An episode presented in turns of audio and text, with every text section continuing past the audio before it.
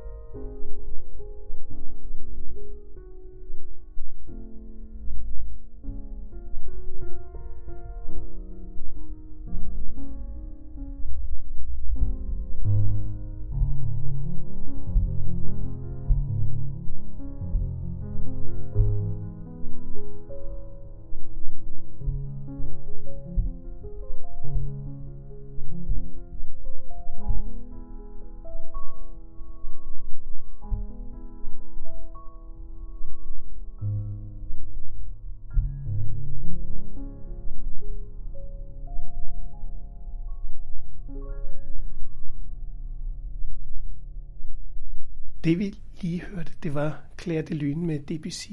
Og det lød ikke helt som det plejer, Harald Ockels. Vi sidder herude på dit kontor ude på uh, øh, DTU i Lyngby. Hvordan kan det være, at det ikke lød som det plejer? Det er jo fordi, at lyden var sat om til Mars-atmosfære, i stedet for jordlige atmosfære, som vi plejer at lytte til det på. På Mars der er atmosfæren meget tyndere, og det vil sige, at for at lydbølgerne skal have noget at bevæge sig i, et medium, så er der meget længere imellem, at de rammer noget, og det vil sige, at bølgelængderne bliver nødt til at være længere, og de korte bølgelængder forsvinder.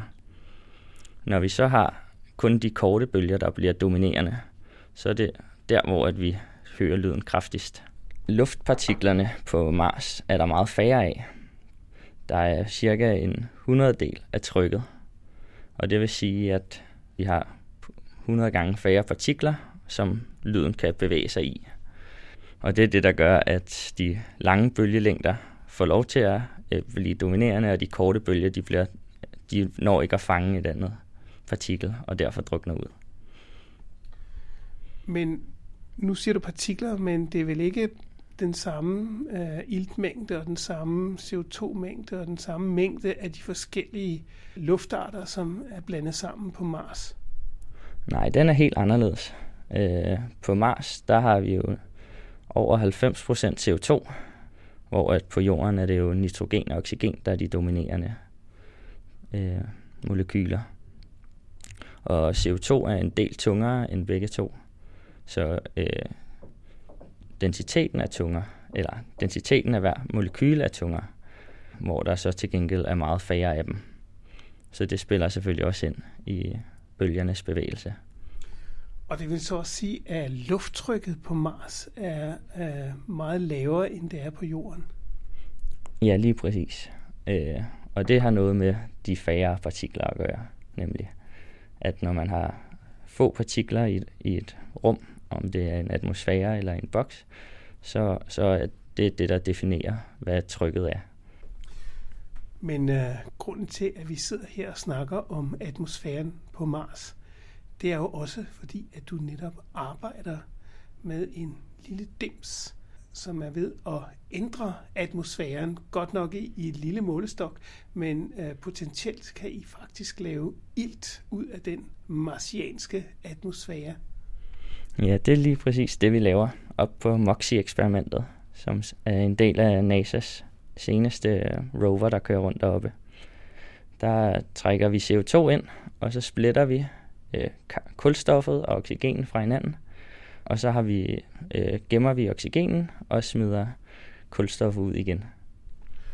Og hvordan har du fundet vej herind på DTU for at, at lave en, en, en oxygenmaskine på Mars? Altså, hvordan, øh, hvordan har du fundet på det, og hvordan er du startet her med at lave det her projekt? Altså, det går, det går mange år tilbage. Jeg vil jo altid gerne arbejde med rummet, faktisk. Øh, Og det var også derfor, jeg søgte ind på fysik på Københavns Universitet. Jeg troede egentlig, jeg skulle læse astrofysik, fordi det var rummet, der interesserede mig. Men efter at tale med nogle ældre studerende, en som tilfældigvis var geofysiker, så fortalte han mig, at Mars er en jordlignende planet. Og siden øh, Mars er en jordlignende planet, så giver det mening at kigge meget mere på geofysikken frem for astrofysikken, som handler meget mere om lyssignaler end om seismiske signaler. Derfor giver det mening at kigge meget mere på sten og faste øh, klipper, end det giver mening at kigge på lyssignaler, som man bruger i astrofysikken meget til at kigge længere ude. Typisk længere ude end solsystemet. Så jeg begyndte at læse geofysik, og fandt hurtigt ud af, at øh, Morten Bo Madsen, som senere blev min vejleder, havde en marsgruppe og arbejdede med det.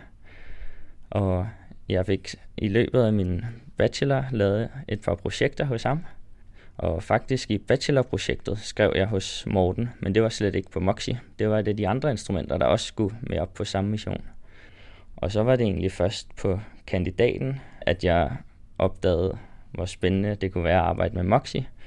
Moxie er nemlig det, der hedder en faststof elektrolyscelle-teknologi, som man også bruger blandt andet til at kunne producere grønt brændstof her på jorden, eller kunne bruge for eksempel brint til at producere energi. Da jeg så fandt ud af, at Moxie brugte samme teknologi, så synes jeg, det var lige til højre benet, at jeg selvfølgelig skulle skrive til Morten, som jeg vidste også var på det projekt. Og så stod der lige og ventede et uh, projekt hos uh, NASA til dig, som de manglede en til at, at, at træde til, eller hvordan gik det? Det var faktisk lidt svært, fordi det var i en fase lige inden opsendelse, hvor alle prøver egentlig er sat hen til Jet Propulsion Laboratory, NASA's øh, ingeniørafdeling. Og der er det de sidste prøver, der sidder. Så selve videnskabsholdet har faktisk ikke ret meget med det at gøre, lige på det tidspunkt, jeg kom ind.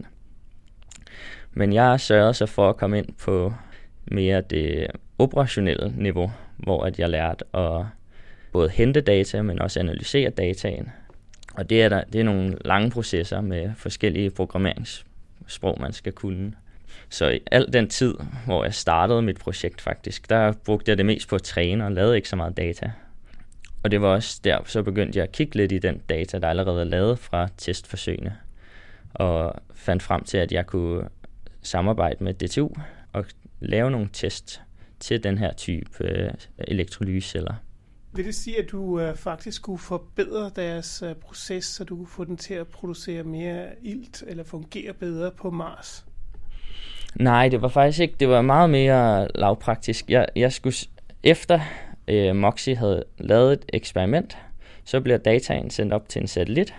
Den satellit sender dataen til jorden, og jeg henter den data fra det øh, øh, radaranlæg på jorden. Og så det jeg egentlig gjorde, det var at omdanne den data til noget, der var læsbart, og så øh, lave figurer, som resten af holdet kunne læse. Øh, så det var sådan helt lavpraktisk om at hente data faktisk. Og så er det først, da dataen begyndte at komme ind, altså efter vi landede, at jeg rent faktisk begyndte det videnskabelige arbejde. Øhm, og mit videnskabelige arbejde, og derefter mit projekt blev først egentlig rigtig sat i værk, da vi på en af de første dage holdt øh, det, der hedder et health check. At vi øh, kører, øh, tjekker alle delene på vores eksperiment, uden at køre det hele samtidig, så vi er sikre på, at hver enkelt del virker. Og der fandt vi faktisk ud af, at der var et lille læk imellem de to sider, som egentlig skulle være, altså siden, hvor der kommer oxygen, og siden, hvor der kommer kulstof ud. Og det var selvfølgelig på koldt, så vi var ikke sikre på, hvordan den ville opføre sig som varm.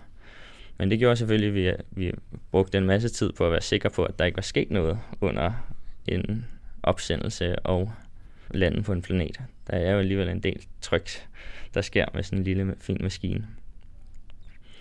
Og da vi så også kørte den første gang, øh, Moxie, så så vi også, at der var et lille læk, altså at vi kunne måle øh, CO2 i vores oxygenproduktion.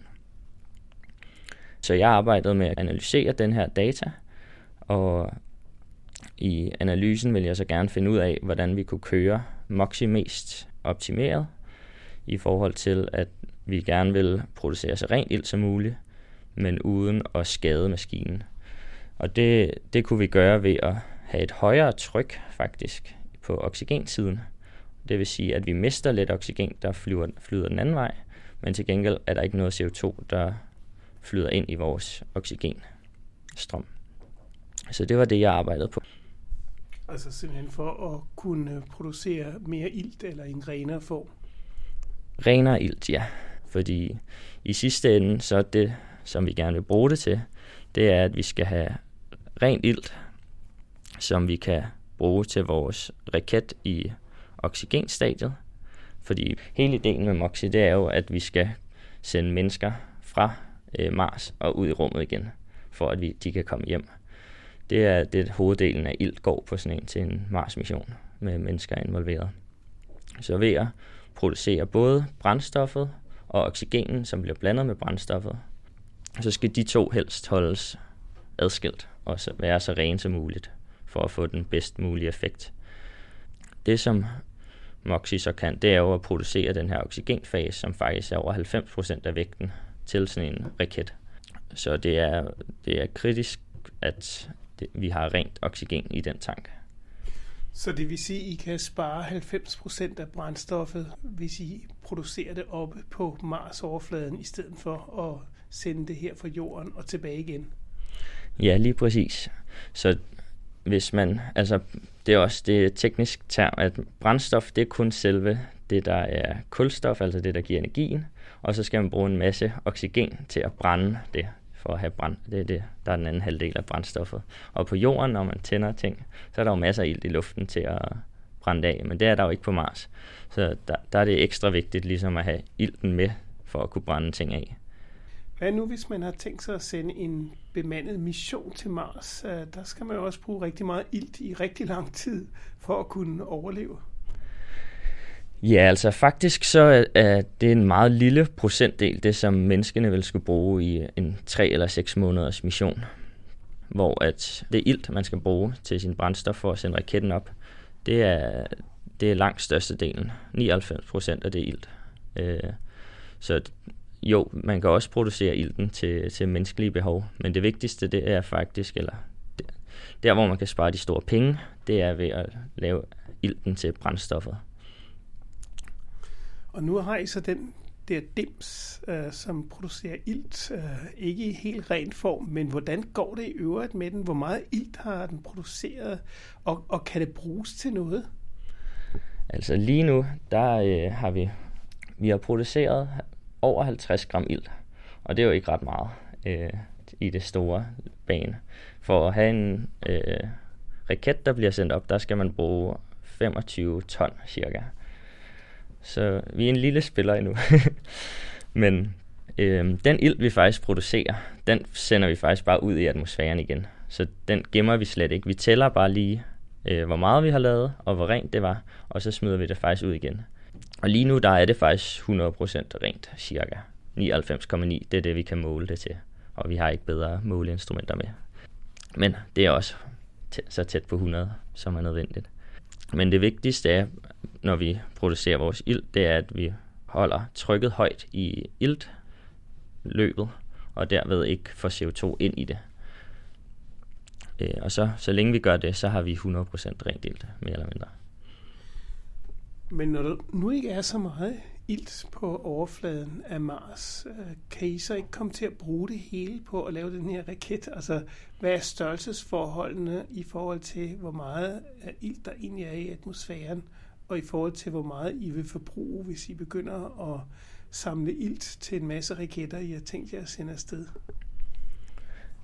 Altså, Mars atmosfære er jo over 95% CO2, og når man tager oxygen fra CO2 direkte, så er der masser at tage af. Og når man så brænder sin raket igen, eller brænder brændstoffet til sin raket igen, så kommer der igen en masse CO2 ud igen. Så hvis man ser det som et lukket system, så går det stort set i nul. Men er der slet ikke nogen sideeffekter? Er der slet ikke noget forurening for den her proces, altså som, man, som man har, som jo altså ændrer gassammensætningen i atmosfæren? Altså, hvis det er en alt for lille skala til, at man overhovedet vil kunne mærke det på, på global skala.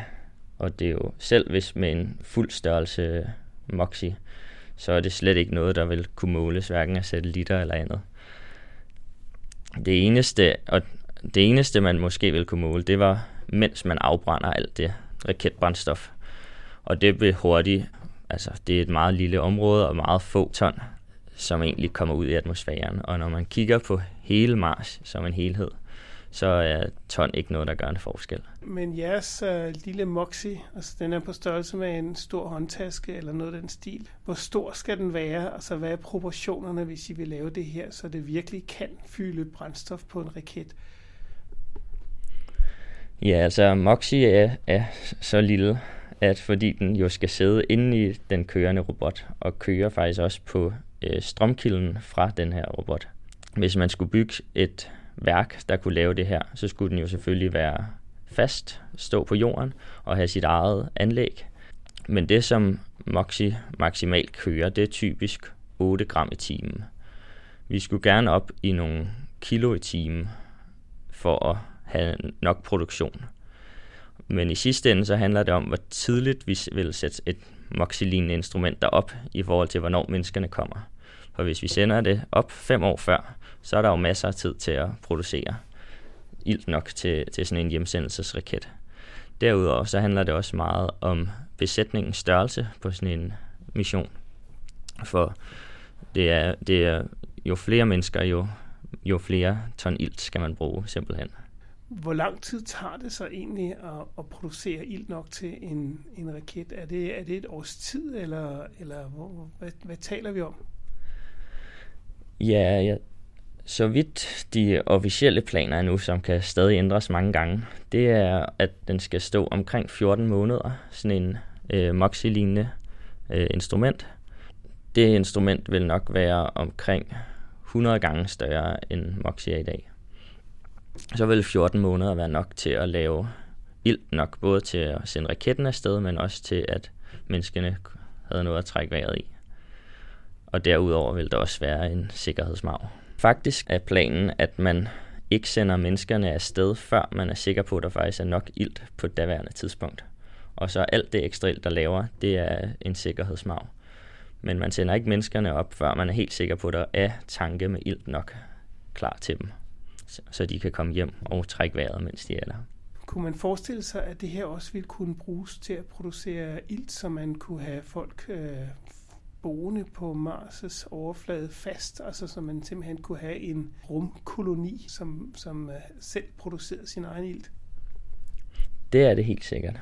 Og det er også en af de, derfor det er så vigtigt med det her koncept, der hedder ISRU, som handler om, at man laver de ressourcer, man skal bruge ud fra lokale ressourcer. Og Moxie er så det første forsøg faktisk, hvor at man bruger ressourcer på en anden planet til at lave om til noget, man gerne vil have. Og jo flere af de, den her type instrumenter, man har, jo mere selvforsynende kan man jo være. En anden ting, man også gerne vil kunne have, producere på Mars, det vil jo være vand. Og der er vand bundet i sten på Mars. Så hvis man kunne finde en måde at trække vandet ud af de sten, så ville man kunne lave baser alle vejen på Mars. Men ellers ville man kunne øh, køre hen til nogle gletsjer og hente det vand, man skulle bruge, og så bare rense det. Øh, og der er det, hvor mange mennesker man vil kunne have på Mars, alt efter hvor stort rensningsanlæg man så vil have til den samme mængde vand. Så det er simpelthen det trappetrin, som øh, menneskeheden skal bruge for at bebo den første anden planet, han er sagt. Hvem har fundet på det her? Altså, er det DTU-forskerne selv, eller, eller kommer det fra, fra en eller anden stor øh, industri, som har udviklet det her MOXIE-projekt? Det er jo faktisk NASA, som er interesseret i at finde en måde, hvordan vi kan undersøge, om der er liv ude i universet i sidste ende. Det er et af deres hovedmål. En af de metoder, vi har i dag, det er enten at bruge satellitter eller robotter til at kigge på Mars overflade. Det er ikke en særlig effektiv måde i forhold til, hvis vi havde mennesker gående på overfladen. En menneske ville kunne lave tre måneders arbejde på nogle få dage, øh, hvis de havde muligheden for det. Det er derfor, det er så vigtigt at kunne sende mennesker derop. Det vil være meget billigere missioner, og vi kunne lære meget mere, meget hurtigere.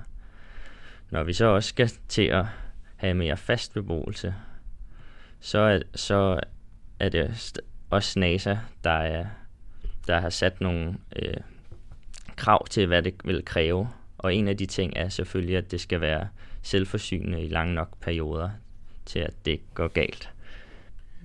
Men øh, hvad med dig selv? Hvordan skal du komme videre herfra? Altså, øh, vil du være med på den næste MOXIE-mission også, eller vil du øh, videre i systemet?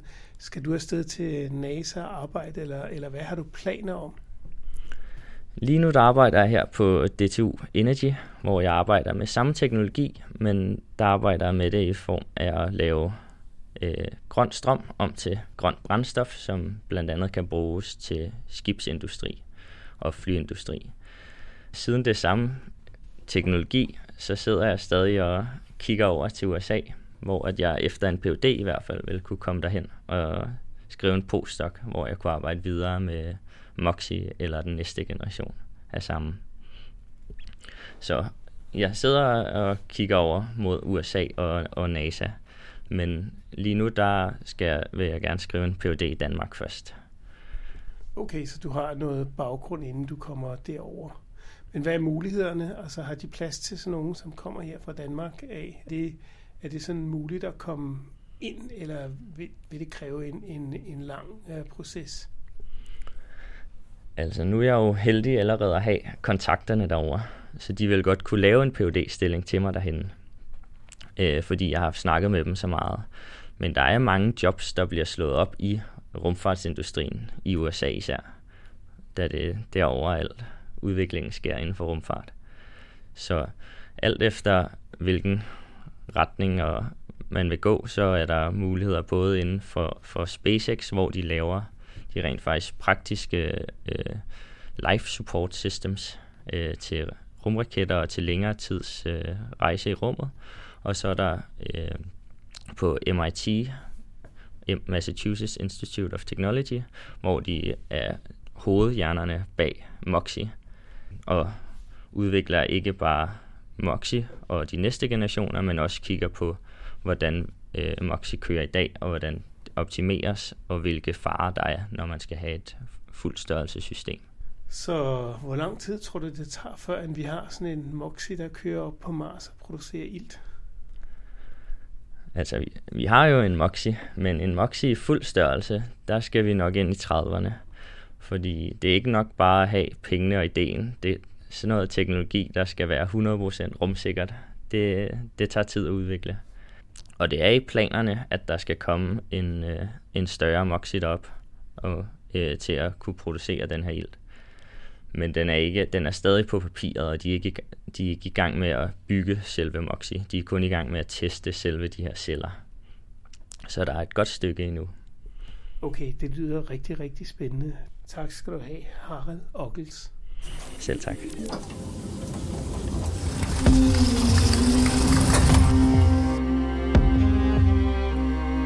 Hvis du holder af historier om videnskab, kan du finde Science Stories hjemmeside på www.sciencestories.dk. Vi er på sociale medier som Facebook, Instagram, LinkedIn og Twitter. Du kan finde vores podcast på de fleste podcastudbydere som SoundCloud, Podimo, Spotify, og hvis du bruger Apple Podcast, må du meget gerne give os en rating og en kommentar, så andre også kan finde os. Jeg hedder Jens Deget, og dette var Science Stories.